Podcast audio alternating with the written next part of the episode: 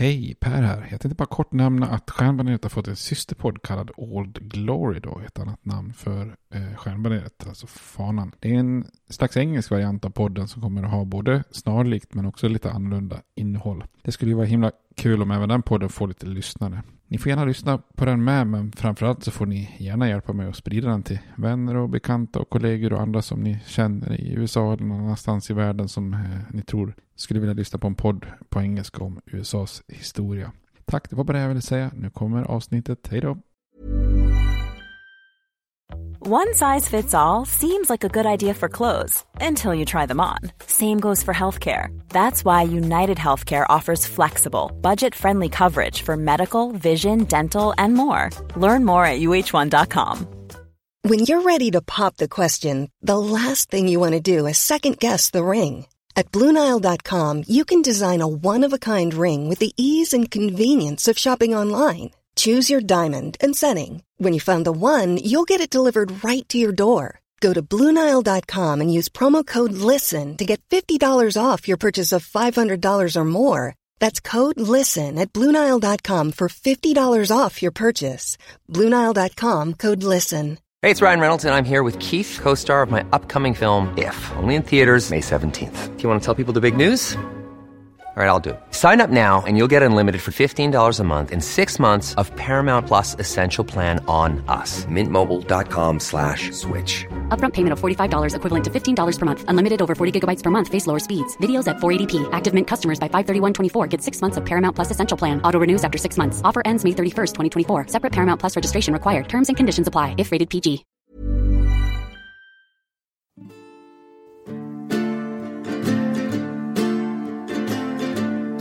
We hold these truths to be self-evident, that all men are created equal, that they are endowed by their Creator with certain unalienable rights, that among these are life, liberty, and the pursuit of happiness.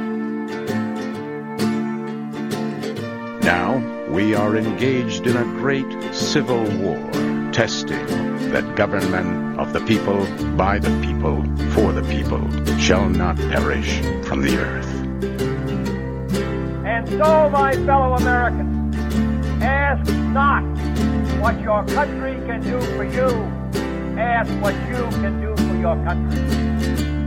I have a dream. My four little children will one day live in a nation where they will not be judged by the color of their skin, but by the content of their character. Mr. Gorbachev, tear down this wall. I did not have sexual relations with that woman, Miss Lewinsky. Då säger vi hej och välkommen till Stjärnbaneret igen. En podcast om amerikansk historia. Med mig Per och eh, jag sitter som vanligt med dig Robert. Ja, jag är med idag också. Hur står det till? Jo, det är bra. Jag har varit lite förkyld men jag tror inte att det ska märkas så mycket på rösten faktiskt. Nej, vi lägger på ett avförkylningsfilter Mm. på Får göra det? redigering. Ja, nej. nej, jag tycker inte det märks. Nej, Superbra. bra. Det blir kanon. Hörru du, nu går vi in i en ny fas tänkte vi av USAs historia. Mm. Det känns bra. Ja, Ja.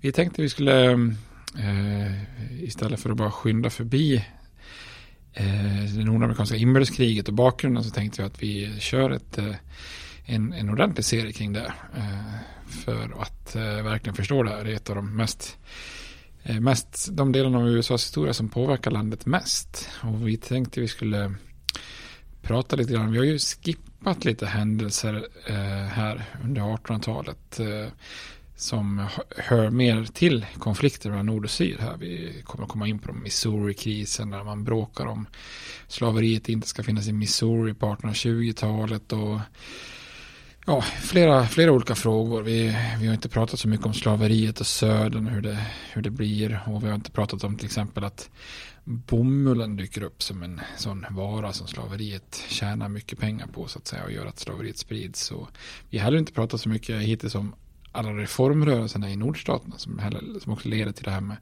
abolitionism och eh, slaverimotstånd heller. Utan vi har liksom hållit oss till, till liksom det här raka spåret här. Så vi tänkte köra några avsnitt här för att förstå, bygga upp det här med vad, hur kommer det sig att nord och syd blir så ilsk på varandra. Och sen så kör vi eh, ja, går vi igenom inbördeskriget i några avsnitt. Eh, Mm. Så det blir spännande. Det blir det. Ja. Då får du hålla band på mig Robert, för det, nu kommer vi in på mina ordentliga t- territorier Ja, jag har ju föreslagit att vi ska ta ett avsnitt per år då, som inbördeskriget pågår. Ja. Så det blir ju fem avsnitt du får Ja. bre ut i då, kan man säga, eller? Det blir skitbra. Ja, det borde ju räcka. Ja, ungefär två och en halv timme. på- Nej, det blir nog alldeles utmärkt. Ja. Innan vi går in på dagens avsnitt där vi faktiskt tänkte gå igenom just eh, slaveriet faktiskt. eh, För att få en förståelse för det systemet som finns i sydstaterna. Så, eh, så måste vi som vanligt ha ett öltips. Mm. Ska jag börja? Kör du? Ja, det är lite långsökt nu. Jag tycker jag har varit Jag, ganska... gillar, jag, gillar, jag gillar den långsökt. Ja, du gör det? Ja. Annars tycker jag att jag har varit ganska duktig med öltips de senaste tre, fyra avsnitten i alla fall. Du har räddat upp det när jag ja. fallerat. Ja. Ja, men nu blir det inte så jättebra. Men när det gäller slaveri här då så vill man ju tillhöra Team Freedom, tänker jag. Ja. Och det finns det en öl som heter då. Ja, okej. Team Freedom. Coolt. Det är ett litet bryggeri som heter Benchwarmers Brewing Company, tror jag de heter. Finns i Helsingborg. Mhm.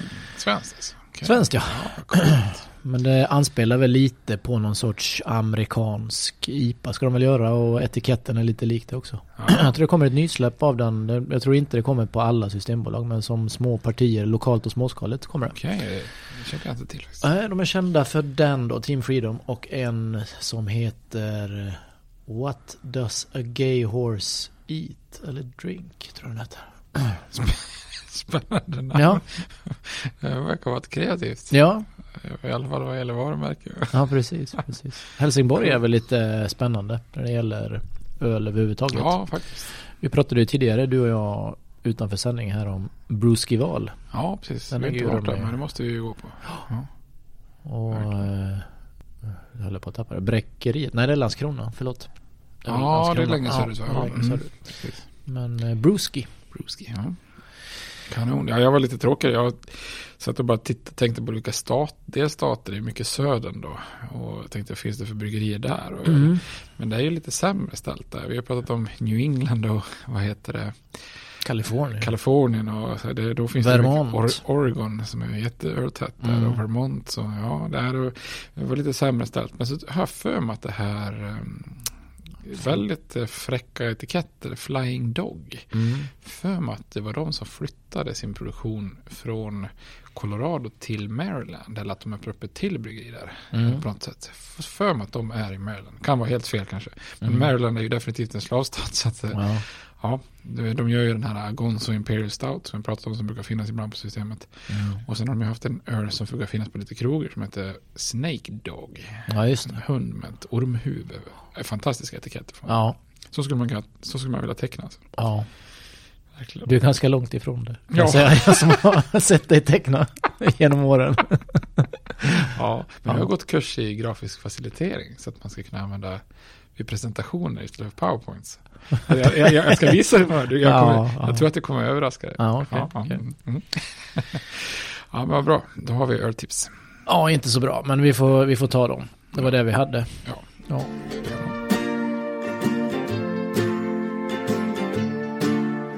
Men då hoppar vi in på det här med slaveriet och eh, slavarna i USA. Ehm, vi var ju lite grann inne på det när vi pratade om den koloniala tiden här. Men den amerikanska södern innan inbördeskriget och egentligen hela den här perioden som vi har pratat om, alltså slutet av 1700-talet, början av 1800-talet, mitten av 1800-talet. Det som verkligen skiljer ut den amerikanska södern från övriga landet, det är ju framförallt eh, slaveriet och att hela samhället byggs upp kring slaveriet.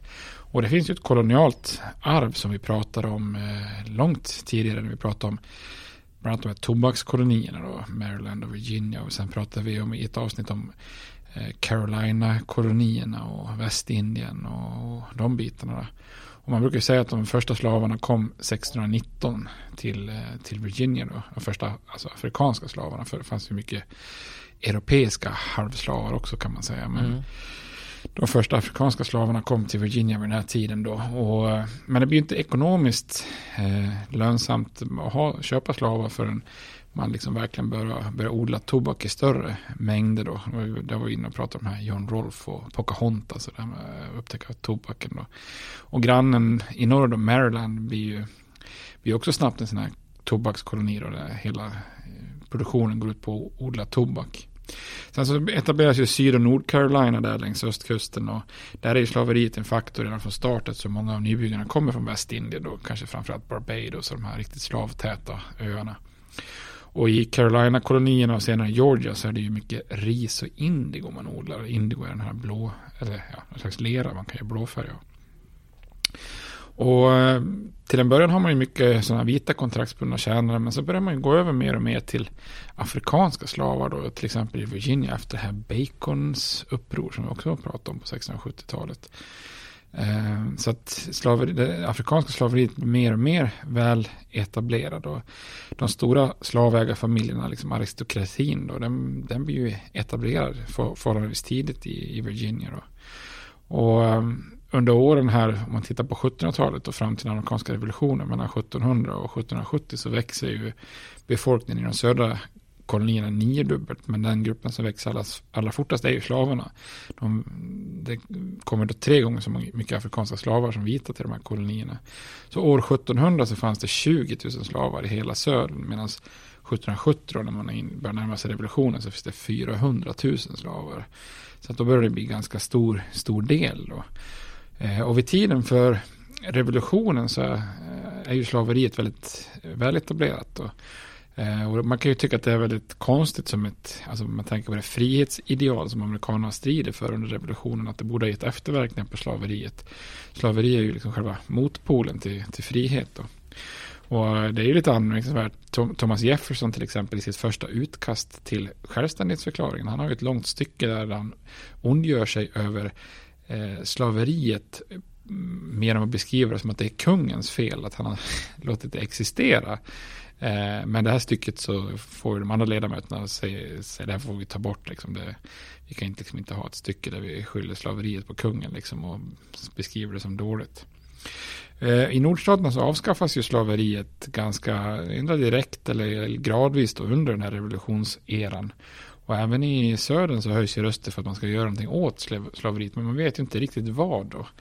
Eh, och i den övre södern så, så, förbjuder man till exempel slavimport. Men eh, eh, South Carolina och Georgia de fortsätter att importera slavar. Och här finns det liksom en splittring inom södern som är lite intressant. Att ledare från den övre södern, till exempel Virginia, de, de fördömer inte alltid slaveriet, men slavhandeln som omoralisk. Medan ledare från South Carolina och Georgia försvarar den med, med, med näbbar och klor. Och det är liksom lite, lite dubbelmoral. För att i de där kolonierna lite längre norrut i övre södern så, eh, så börjar man gå mer och mer över till veteodlingar eftersom tobak utarmar marken. Och då har man kanske fler slavar än man behöver. Så därför säljer man dem gärna dyrt. Och därför vill man förbjuda importen för att kunna sälja söderut. Liksom. Eh, så att det, det är lite dubbelmoral i det här. Men när man samlas så skrivs, skriver konstitutionen 1787 ehm, så fanns det ju eh, ett antal paragrafer som handlar om slaveriet. Men det är ju anmärkningsvärt också att man aldrig använder ordet slav eller slaveri. Utan man, beskriver, och man beskriver egentligen inte slavar som egendom. Eh, alltså man skriver det bara så här all other persons och sånt där. Sådana formuleringar liksom så att alla vet att det är slavar men man säger inte. Det är nästan som att man, att man skäms eller att man vill, eh, vissa tolkar som att man vill underlätta avskaffandet genom att inte nämna det. Andra kanske tycker att det verkar som att man skäms då. Men de här eftergifterna till södern på kon konstitutionskonventet är ju lite olyckligt. Eh, för här kanske runt revolutionen kanske var det bästa tillfället att verkligen ta tag i frågan och, och leda in slaveriet mot sitt avskaffande. Men det finns ju en del orsaker till att slaveriet överlever. Och, eh, alltså dels finns det ju en ganska utbredd rasism där man tycker att eh, svarta afrikanska slavar är underlägsna vita. Då. Eh, och sen har ju slavägarna gjort enorma investeringar i slavar så att det är rent, det är rent ekonomiskt är det är väldigt svårt att hitta någon slags kompensation. Då. Eh, så, och många såg heller inget praktiskt alternativ. Alltså vissa hade ju inte ens moraliska tvivel, men de som hade moraliska tvivel, de blir ju lite så här, men vad, om, om slavarna frigörs, vad, vad ska man göra med dem då? Eller vart ska de ta vägen då? För eh, så pass rasistiskt var det att man trodde ju inte på att man skulle kunna blanda upp befolkningen med svarta. Det är liksom inte ett tankbart alternativ. Så började man diskutera sådana alternativ om att man ska så att säga, kolonisera slavarna, liksom återkolonisera, att man ska skicka tillbaka dem till Afrika. Men en anledning till att, att revolutionsgenerationen kan verka liksom så här aningens oseriösa mot att ta tag i slaveriet, det var ju också att man kanske inte trodde att det skulle kunna växa i sån omfattning eh, som det gör på 1800-talet. För det finns ju vissa begränsningar. Tobak i den övre södern, den utarmar marken otroligt snabbt. Så odlar du tobak några år så kan du inte använda den marken på, på bra länge. Liksom. Eh, och därför börjar man då blanda med vete och andra odlingar. Då. Och det här ris och indigo kan man bara liksom odla då längs kusten då i South Carolina och Georgia. Och, i Louisiana så är klimatet liksom lämpligt för socker. Då. Men i den stora, om man tänker sig den stora delen av södern idag så, så finns det ingen liksom, vara man kan odla riktigt så att säga. Men då dyker en sak upp här som jag vet att du tyckte var konstigt att vi inte nämnde när vi pratade om ja. kolonierna. För då, då, tyckte du att det fattades lite grann. Bomull. Ja, mm. och det är lite det man nästan förknippar med slaveriet. Ja. Man, man går på bomullsfälten och, och liksom plockar bomull då. Och bomull är från början inte ett alternativ därför att det finns, det finns om jag förstått det rätt, alltså långfibrig, eh, lite finare bomull Eh, men den kan bara odlas på några få öar utanför kusten. Då. Men sen finns det då en kortfibrig bomull, bomull som kunde odlas enklare då, över hela södern i princip. Men då har de plantorna ett väldigt klibbigt frö. Och, och, det gör att det tar enorm tid att, att rensa den bomullen. Att sitta och pilla ut för hand. Liksom, det, gör, det gör det inte värt mölan. då. Men 1793 då så uppfinner en eh, man som heter Eli Whitney en eh, så kallad bomullsmaskin som då kan rensa den här typen av kortfibrig bomull. Mm. Då är vi mitt uppe i industriella revolutionen. Här. Precis, det är liksom mm. först, i, först eh, i den tiden när den började, började ta fart, dock inte i södern för där vill de ju bara rensa bomull så det blir mm. väldigt eh, jordbruksmässigt fortfarande. Men den här lilla maskinen då, eller vad man ska kalla det för, får ju namnet Cotton Gin. Och då Gin är ju då en slags förkortning av engine. Mm. Eh, fast den är ju ganska manuell ändå så att säga. Enkel grej då. Men det här revolutionerar ju Söderns framtid och utveckling ganska rejält då. Och lite ironiskt så är ju såklart från nordstaterna, han som mm. uppfinner den så att säga. Så med hjälp av den här Cotton Gin då så, så kan liksom eh, under en timme kan liksom eh, den rensa lika mycket bomull som ett helt grupp liksom hade behövt eh, tidigare. Då. Och då kan den här bomullsodlingen öka typ åttafalt. Liksom. Och det som verkligen då sätter fart på bomullsodlingen under 1820-talet är ju är framförallt två faktorer. Då. Dels uppstår det en enorm efterfrågan på bomull från brittiska textilfabriker. Eh, och dels så har man ju precis också då öppnat upp hela den här djupa södern för nybyggare som vi pratat om att det var ganska många mäktiga indianstammar där och, och mycket som liksom eh, Eh, hindrade. Men nu har man helt plötsligt liksom öppnat upp det här. Då. Och det innebär ju då att eh, dels börjar ju de västra delarna utav eh, Georgia och South Carolina men också nya stater som Alabama, Mississippi och senare Louisiana och Arkansas eh, etableras ju då. Eh, och eh, det här brukar ju beskrivas som en boom, eh, alltså en sån riktig boom, bomullsboom. Och här föds ju liksom det namnet som Södern får. Då. Kung Bomull brukar man kalla Södern för. Då. Med, mm. med stolthet liksom. Vet du vilken stat som kallas för The Cotton State? Oh, vilken kan det vara? Det, det kallas också Heart of Dixie. Då är det Mississippi. Alabama. Alabama. Så det är grannen där va? Delar ja, inte de Jo, de, de sitter, ju, sitter nästan ihop. På ja, gjorde de det från början och så delades de i två? Eller? Ja, precis. Ja, man ser man nästan på, om ni har en kartbok framför er, så kan ni se att det ser ut som att man bara har dragit ett streck då. Ja, ja verkligen. Det är ju ehm, eh, det gamla sydvästra territoriet ja, som precis. de sen då delar upp i de staterna. Ja, fortsätt bomullen där. Förlåt ja. att jag avbröt. Jag bara tänkte nu kan jag glänsa lite då. ja, det är bra. Det är bra. Du får gärna avbryta. Cotton State.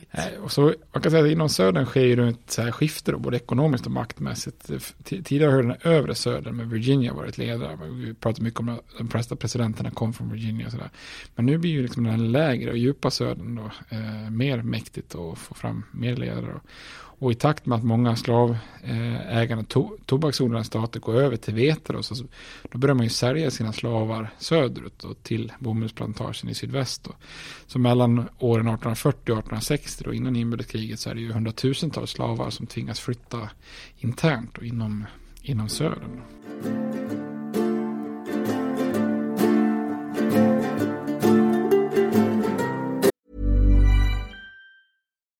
Millions of people have lost weight with personalized plans from Noom, like Evan, who can't stand salads and still lost 50 pounds. Salads, generally, for most people, are the easy button, right? For me, that wasn't an option. I never really was a salad guy. That's just not who I am. But Noom worked for me. Get your personalized plan today at Noom.com. Real Noom user compensated to provide their story. In four weeks, the typical Noom user can expect to lose one to two pounds per week. Individual results may vary. Hiring for your small business? If you're not looking for professionals on LinkedIn, you're looking in the wrong place. That's like looking for your car keys in a fish tank. LinkedIn helps you hire professionals you can't find anywhere else, even those who aren't actively searching for a new job but might be open to the perfect role. In a given month, over 70% of LinkedIn users don't even visit other leading job sites. So start looking in the right place. With LinkedIn, you can hire professionals like a professional. Post your free job on linkedin.com slash people today.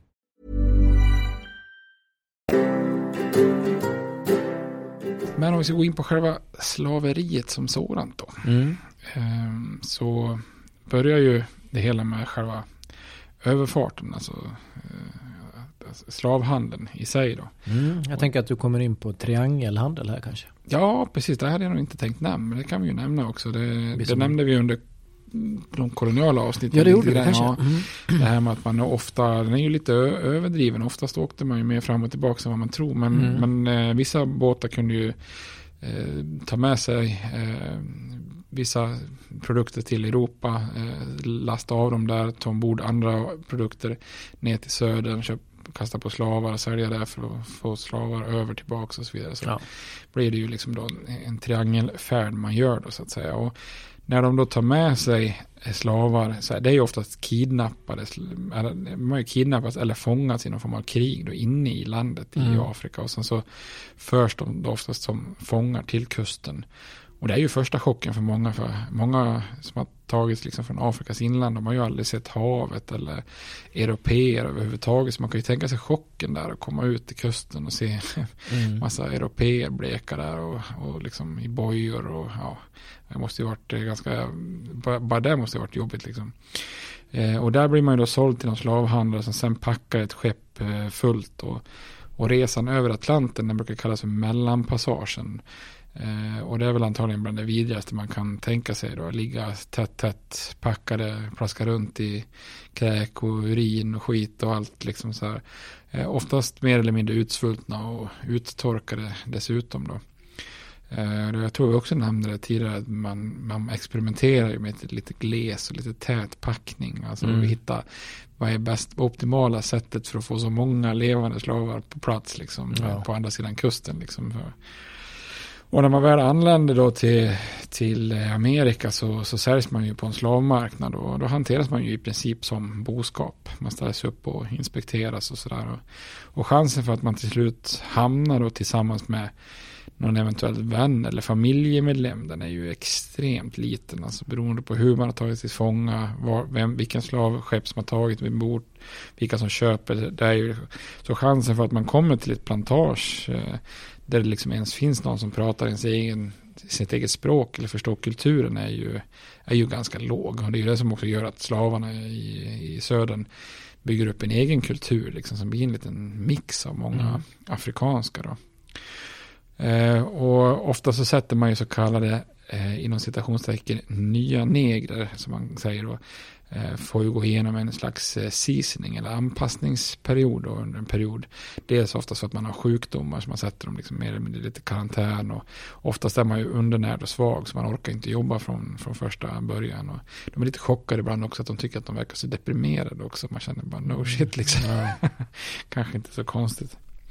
Eh, men fascinerande nog så lyckas ju slavarna liksom ta med sig, behålla en del traditioner och bygga upp lite nya. Och det görs ju mycket i smyg och vissa saker kanske lite mer öppet. Men, men det är mycket sen namn och matlagningssätt och instrument och sånger och danser och sådana saker som, eh, som, som på något vis lever kvar och skapar liksom en separat kultur bland, bland eh, afroamerikaner. Och det är det som sägs också i ha raka spår då fram till typisk afroamerikansk musik som blues och ragtime och jazz och lite sådana saker. Och eh, det sägs att blues har en tradition som kommer från de här arbetssångerna som man sjöng ute på fälten då när man gick och, och jobbade. Liksom. Det har man säkert sett på en del filmer att man de går och sjunger lite sådär. Mycket dans och handklapp och rörelser i musiken och lite grann och sådär. Jag tänker, jag tänker mig kanske att till och med finns spår, man tänker så här gospel och sånt där idag. Ja. Men det är ju den, den, externa eller den internationella slavhandeln. Sen den inhemska slavhandeln är ju minst lika illa som den, den internationella. Och ibland kanske till och med värre då. För att eh, nu tvingas man ju marschera. då, ibland kanske hundratals mil i kedjor. Man kanske liksom har levt ett liv i Maryland eh, eller Virginia. Och så helt plötsligt så har slavägaren där för mycket slavar. Och så behöver man slavar då i den här nya sydväst, sydväst av USA då i Ar Arkansas eller i Alabama eller Mississippi och då får man helt plötsligt då marschera hundratals mil och det blir ju nästan lika traumatiskt som över Atlanten då. Och då är det ju en del då som har, även om man inte formellt får gifta sig och sånt där, så, så är det ju ändå liksom slavar som bildar lite familj och sånt där. Och då splittras man ju kanske igen då. Det finns ju slavägare som anstränger sig för att hålla samma familjer och sådär. Men ibland sen när det är bodelningar och skulder och, och annat så kanske det inte hjälper i slutändan. Utan då kanske man får säga farväl till sina barn och sin fru och sånt där. Eh, och slavstaterna har ju så kallade slavlagar där slaveriet regleras då. Och en, man kan sammanfatta det ganska grovt med att en slav, en slav har ju i princip inga rättigheter alls. Utan man är ju liksom helt i händerna på sin ägare eller ägarens personal. Eller mm. De får inte äga egendom, de får inte lämna gården utan tillåtelse, de får inte vara ute efter mörkrets inbrott. Man får inte samlas med andra slavar på andra ställen än kyrkan. Eh, man får absolut inte bära vapen. Det är liksom vapen i handen på slav, slaven är ju det farligaste man kan tänka sig. Man får inte vittna i domstol mot vita. Man får inte man får inte ens slå en eh, vit person ens i så att säga självförsvar. Utan då, då är det, eh, är det förbjudet att lära slavar att läsa till exempel. För det, då tänker man att de kanske blir förbildade. Eh, och det finns inte då eh, något legalt sätt att gifta sig till exempel. Då. Eh, och skulle man liksom mot allt göra någon form av våldsbrott mot sina ägare eller någon, någon ja vem som helst egentligen i, i samhället som inte är slav så är det oftast dödsstraffet direkt. Liksom. Det, mm. det får man inte göra. Det värsta man kan tänka sig i söder med den här tiden är ju att en svart man våldtar en vit kvinna. Liksom. Mm. Eh, och bryter man mot alla tänkbara typer av regler så, så, straffas man ju då oftast av en sån här overseer då, som det kallas för en slags, liksom, ska man säga, uppsyningsman eller vad man ska kalla det, eller och vissa kallas för driver, alltså någon slags förmån, slavdrivare mm. som är ute där på fälten och kanske an, är anställd för att driva på slavarna.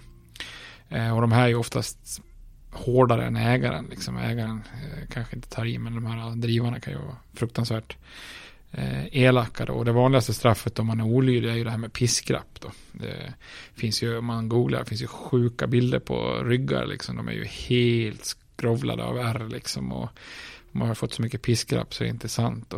Eh, men det finns ju jättemycket andra också hemska straff. Eh, och om en slav råkar dödas då under sån här bestraffning så gissa om det är ett brott. Nej, det, Nej, det är inte brott. så att det är sjukt, sjukt samhälle på många sätt då. Så fanns det också många olika typer av slavar också. De man främst tänker på är kanske de här eh, så kallade fälthänderna eller field hands, alltså de som är ute på fälten och plockar bomull till exempel. Eh, men är det ett riktigt stort plantage, de är en stor slavägare, så då har de ju även lite så här, finns hushållssysslor då, det finns husslavar, alltså som hjälper till som en slags tjänare då i, i hushållen då med hushållssysslor. Och, eh, även mindre slavägare som Eh, översåg arbetet. Eh, de, de kanske snarare jobbade bredvid slavarna. Alltså då kanske det varit lite mer uppblandat. Då. Men, och ibland var relationen med ägaren god och ibland kanske fullständigt terrorartad om man säger så. Eh, och många slavar föredrog ju kanske lite större plantage på ett sätt. För att då kunde du erbjuda lite av en social, social värld liksom, i sig bland slavarna. Eh, och vissa slavar de hörs ju jättestrikta, alltså nästan som fängelseliknande förhållanden. Medan andra slavar fick förhållandevis stor frihet. Eh, kanske fick jobba på avlägsna fält eh, och kanske fick bo en bit ifrån som en möjlighet att kunna odla sina egna grödor så att säga. Ja, många slavar hade ju också specialroller som kock och butler och kusk till exempel. Eh, och hushållsslavar hade det ju lite, oftast mindre fysiskt tungt. Men samtidigt så kanske det var värre psykiskt eh, att vara så nära liksom ägaren och, och, vita då. Särskilt kvinnliga hushållsslavar var, var ju väldigt ofta utsatta för sexuella övergrepp då från, från olika män. Eh, och sexuella relationer mellan ägaren och slavkvinnor. Det kunde också vara ganska påfrestande för frun i huset också. Ganska vanligt dessutom. Eh, och man kunde inte heller på något vis straff, straffa sin man. Om, om mannen hade eh, sex med sin slavinna så finns det ju inget sätt för kvinnan att göra. Förutom att utsätta slavinnan för lite så psykisk och fysisk terror. Så mm. det var nog inte en jätte, jättebra relation i många familjer kan jag tänka mig. Och i den övre södern där är det kanske vanligt också med slavar som är hantverkare som då hyrs ut. Och de har ganska stor frihet. Det är många av dem som flyr också slaveriet. För att om du är en hantverkare som hyrs ut så är det ju lättare att hitta tillfället att fly faktiskt. Mm.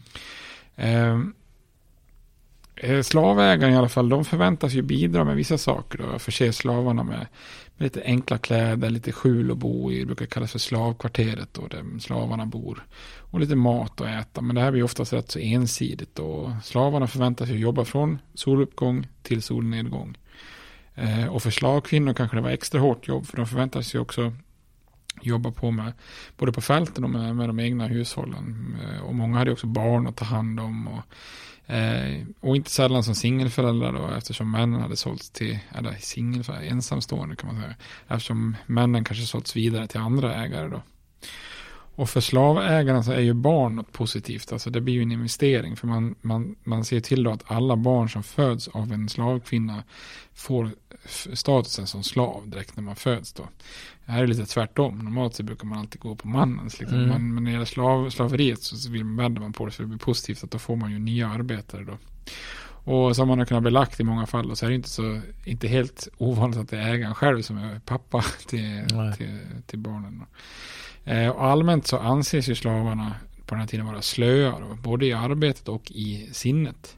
Den allmänna attityden är ju att eh, svarta slavar är som barn, liksom, som måste på något vis ta hand om. De kan inte liksom, styra sig själva ens. Eh, och då ser man slavägarna som någon slags eh, far som, som skulle liksom, alltså jag är far för de här. Och, ska, och det var liksom en logisk fortsättning av det tänket på något vis. Då, att eh, man tycker då att slavarna, slaveriet var bra för slavarna. Det var så man försvarade liksom, att de kan ändå inte ta hand om sig själva. Så det här är ju bara bra att vi tar hand om dem.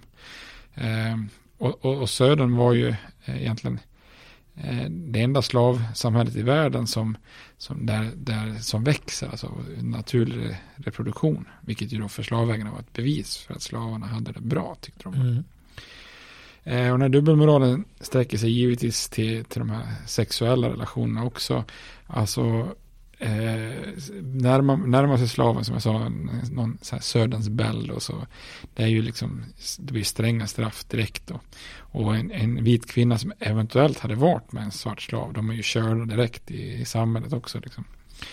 Eh, och det här med sexuella relationer, ett av de bästa exemplen är väl Thomas Jefferson. Då. Han hade ju en relation med sin slavinna Sally Hemings. Eh, där har man ju, det var ju många som var nekat detta. Alltså det, Jefferson är ju sån hjälte, liksom, revolutionshjälte och eh, liksom politiskt ideal och massa olika sådana saker. Så det var jättemånga som har förnekat det här genom historien. Men så gjorde man ju då DNA-tester som visar att det med högst sannolikhet är så att han var far till hennes barn då när man tittar på ättlingar idag. Så att. Mm.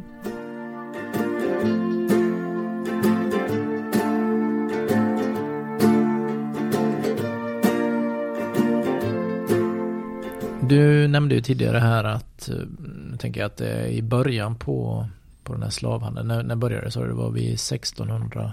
1619 ja. kan man säga. Och de första slavarna som kommer över och när det blandas och man pratar olika dialekter och språk och sånt. Jag tänker att risken då för uppror är väl ganska liten. Alltså man kan inte snacka ihop sig eller organisera sig. Men uh, ju längre tiden går så kan man ju förstå att det borde ju vara personer som inte finner sig i detta. Jag har hört talas om eh, uppror men du, du har säkert bättre koll på detta. De säger väl ifrån lite? Ja, ja men det gör de ju. De gör ju motstånd på olika sätt. Det, du nämnde ju innan när vi pratade om Stono-upproret. Ja, jag har hört talas om. Ja, ja. Eh, men och det är ju liksom det yttersta, alltså att rymma eller göra uppror. Eh, det är ju liksom de mest drastiska motstånden som slavarna gör. Men sen finns det också mycket andra sätt också som de protesterar på. Det som är jäkligt roligt, är ju, eller roligt, konstig benämning, men det som är intressant är att, som jag sa innan, slavägarna hävdar ju väldigt mycket innan inbördeskriget att slavarna var nöjda och hade det bra så att säga. Mm. Eh, eh, men man märker ju liksom att de har ju såklart längtat efter frihet mm. så fort de får chansen att ge sig av då eller så. Eh, och så fort inbördeskriget bryter ut så börjar de ju i alla fall i den övre syden, södern fly till nordstatsläger och, och, och sådär. Och då är det ju många slav, slavägare som är alltså genuint chockade. De har trott att slavarna varit så jäkla nöjda och lojala och mm. alltid skulle ställa upp och stanna liksom. Så, så sen är det liksom, det finns vissa slavägare som när de hör att slavarna ska proklameras fria då liksom så, så eh, sammankallar de slavarna och säger så här, nu eh, kommer ni liksom att bli fria. Eh, men vi skulle vilja se att ni stannar kvar här på kontrakt och jobbar liksom sådär. Och så förväntar de sig att det, men nästan alla drar liksom. Ja. Och det blir, det blir liksom en chock för dem då så att säga. Men slavarna protesterar ju på, på många olika sätt. I vardagen så är det ju kanske genom att ja, men maska i arbetet eller ha sönder verktyg och den typen av utav så. Men de mer dramatiska protesterna det är ju rymma och, och göra uppror. Eh, rymma är ju inte helt lätt alltså.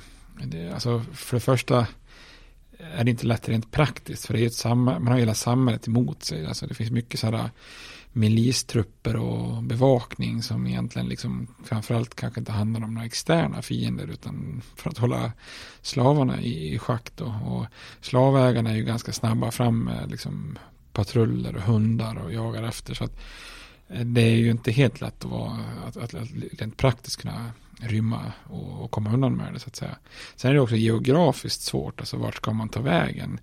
Eh, det är ju ingen det är ju inte någon slump att de flesta som rymmer och kommer undan med det, de bor ju liksom i den övre södern, alltså Virginia, Maryland, Delaware. Så att du i alla fall geografiskt har hyfsat nära till att komma in i Pennsylvania och New Jersey och liksom staterna som ligger där nära, nära då så att säga. Eh, dessutom är det lite tätare befolkning eh, i den övre södern, vilket gör att, eh, och det finns en del fria svarta som man kan liksom lättare smälta in i städerna om man skulle rymma då, lite mindre misstänkt så att säga.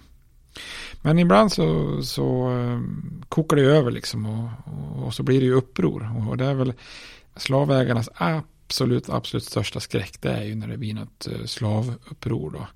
Eh, och här finns ju också liksom en, en riktigt inneboende dubbelmoral. För å ena sidan så skulle slavarna vara så nöjda och välbehandlade. Men å andra sidan var man liksom livrädd och mördad i sömnen samtidigt. Liksom.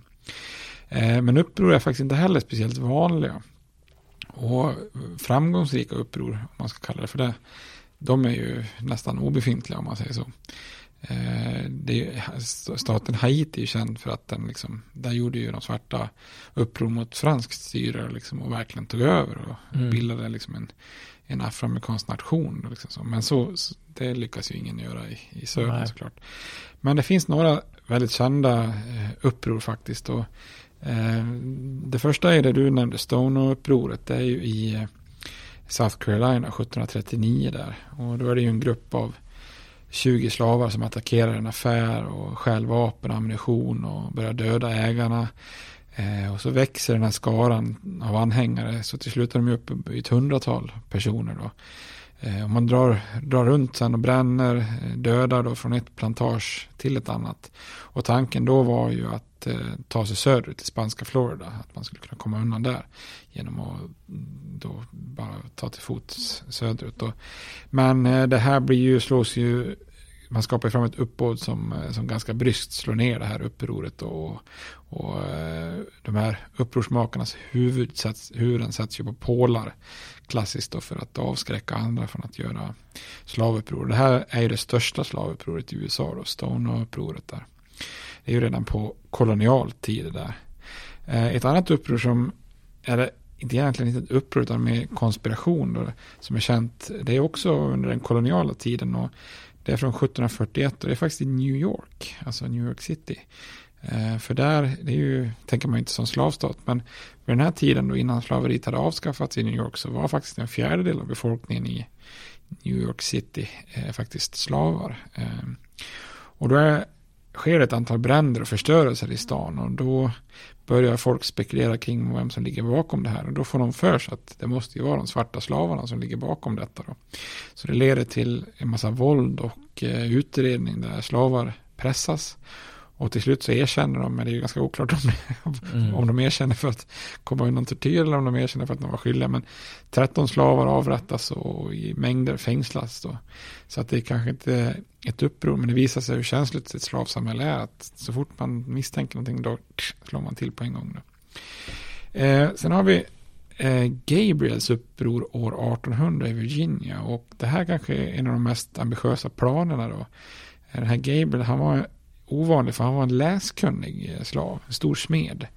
Eh, så han var väldigt, liksom, vad ska man säga, lössläppt och påläst. Eh, ganska stor frihet. Och, lössläppt? Ja, det, ja, lös, ja, kanske han också var det. Ja, det ska jag inte uttala mig om. Men han var ganska, hade större frihet än många andra. Då. Ja. Var ovanligt på, påläst. Och, och eh, han blir inspirerad av två franska soldater som han träffar på en bar faktiskt. För de berättar om det här slavupproret i, på eh, dagens Haiti då, som heter Santo Domingo där. Eh, och då börjar han få, ja det är ett dumt det här. Så han börjar planera här då. Och eh, börjar liksom använda kontakter då bland slavarna. Och hans mål då är att försöka engagera runt tusen slavar runt huvudstaden Richmond i Virginia då. Eh, och sen är tanken då att, att på upprors, upprorsdagen ta kontroll över en stor vapenarsenal. Eh, och så tar guvernören James Monroe till fånga. Det är ju han som sen blir president i, från Virginia. Eh, och sen då med press, den här stora vapenarsenalen, stora mängden slavar och Monroe som fånge så ska de kräva sin frihet. Då. Men natten till den här tänkta upprorsdagen så är det då den värsta åskstormen som drar fram och gör en massa vägar omöjliga att färdas över. Och då är det ganska många av de här som är involverade som, som uteblir eller ångrar sig eller inte tar sig fram. Så det blir en mycket mindre styrka som var, än, än det som var tänkt då. Men de eh, genomför planen. Eh, eller han tänker genomföra planen men eh, han blir förrådd av en annan slav. Eh, det, och det är jättevanligt att det alltid, kan alltid finnas någon som golar liksom, mm. för att tänka sig att de ska få belöning och så för det. Eh, så det är svårt, man måste ju, man får, det är lite ambitiöst att försöka få in ett nätverk av tusen slavar och så ska ja. ingen skvallra. Så att jag tyckte att han kom långt ändå. Då, så, att säga. så han avrättas ju givetvis då. Men det här blir en stor chock för många i Virginia då. Sen har vi också ett uppror som, ehm, som, eh, som är 1922 eh, i South Carolina eh, av en slav som heter Denmark Wesley. Lite roligt namn, Denmark. Ja. och ehm, det är ett uppror som liksom kommer av sig där. Eh, fastän man har planerat väldigt långt. Och det var också tanken att gå till anfall mot eh, den vita befolkningen i Charleston. Alltså eh, South Carolinas största stad. Då tänker man alltså att man ska bränna stan sno skepp i hamnen och sen segla just till Santo Domingo, alltså Haiti. Men även han blir ju då förrådd, avslöjad innan upproret genomförs då. Och straffet blir väldigt om, omfattande för man i South Carolina är man känslig så man tänker kanske hellre straffa för många och för hårt än, än tvärtom då.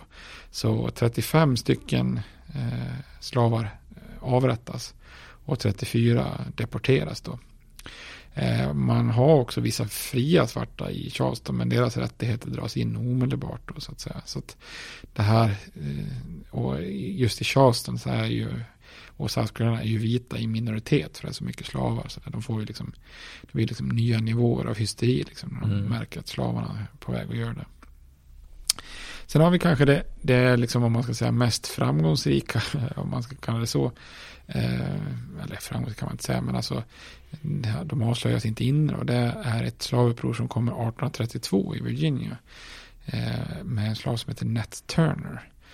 Eh, och det är det blodigaste upproret. Han lyckas få med sig totalt ungefär 70 slavar.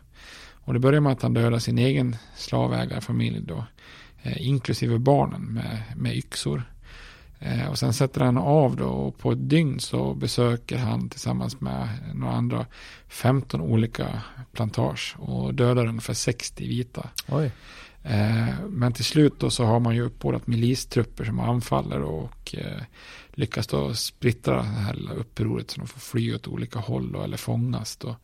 Och han själv då, Nat Turner, han lyckas faktiskt hålla sig gömd i en månad innan de hittar den. Så, att, Mm. så då börjar de bli riktigt nervösa över att han faktiskt har kommit undan här då. Men till slut så, så fångas även han in då, döms till döden och hängs. Och spektakulärt nog så är det ju en, då en arg vit mobb som, som tar ut sin ilska på hans lik. Alltså till och med efter att han har Mm. dödats då. Eh, så, så de flår honom och skär av delar för att spara som souvenirer och sånt där. Lite bisarrt får man Mm. väl säga då. Men å andra sidan, man kan ju bara gå tillbaka till alltså foton från 1960-talet där det står folk så här lite glada som publik när man lynchar svarta. Så kan man ju tänka sig att ja, eh, detta är ju liksom mer än hundra år tidigare. Liksom så. Men den här rädslan för uppror gör ju liksom att hela slavsamhället blir någon slags eh, polissamhälle. Då. Så milistrupper vakter, de patrullerar i vägar, fångar alla slavar som inte har något eh, skriftligt pass från sin ägare då, som visar att de är ute på någon slags legitimt eh, ärende. Då. Och, och det innebär ju också att Sören är väldigt noga i konstitutionen och att den federala staten ska kunna bistå med interna uppror och sånt där. Så att det blir ju liksom av, lite av ett polissamhälle då. Men eh, då har vi fått en liten bild av slaveriet tänkte jag. Mm. Eh, Vi kanske kommer tillbaks till det lite pö om pö här framöver. Men eh, jag tänkte vi skulle prata om södern och nordstaterna framöver sen. Men vi kommer säkert att komma tillbaka till det här med förrymda slavar och lite sådana Ja. saker. Och Onkel Toms stuga och Det finns väl den här underjordiska järnvägen Precis, som det kallas. den också upp till skulle- norr då. Du Tänk- kanske då, eller du, vi kommer väl in då i nästa avsnitt eller framåt här på eh, nordstaterna och Ja. synen på slaveri där. Och, Precis, Mm. kommer vi komma in på abolitionisterna. Som. ja, Men eh, jag tänkte vi skulle prata lite om södern i nästa avsnitt och nordstaterna därefter. Och Ja. sen konflikten. Då. kommer vi komma in på. Förrymda slavar och alla de bitarna. Underjordiska järnvägen. fint. Det blir väldigt ingående då. Eller en ordentlig genomgång. Det känns ju bra. Ja, då ska man få en bra bild av detta. Ja.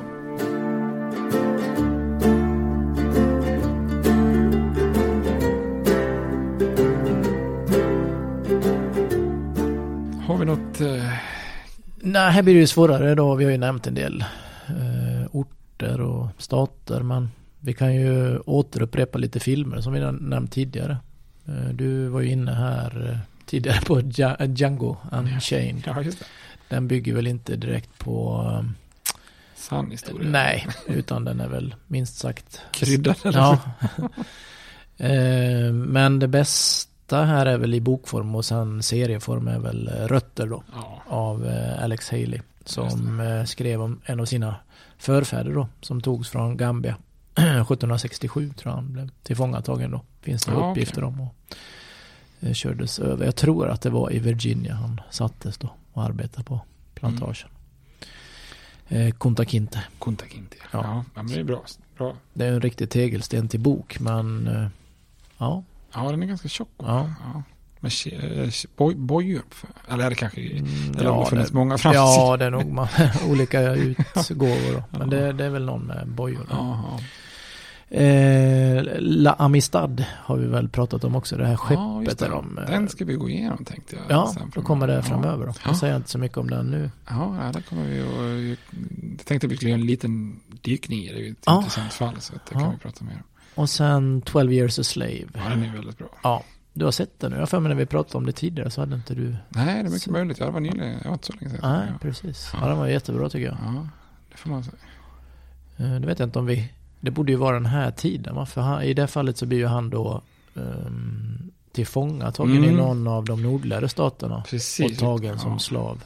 Det Till... kommer att komma till det, för det är ju en av de här, um, han blir utsatt för det här, man skriver in det i konstitutionen att man har rätt att återfå förrymda slavar. Aha. Och det blir mycket prat om mellan nord och syd hur man ska lösa det här. Och, och problemet blir ju då att om nordstaterna motarbetar det här, då kommer ju, södern ta hem sina slavar oavsett så att säga. Mm. Och skickar man då iväg sina slavjägare som inte är sådär supernoga kring, eh, alltså det här är ju innan man kan direkt ta fingertryck, fingeravtryck och, eller bilder. Och, eh, ingen som har lagt ut bilder på Facebook så är det svårt att hitta.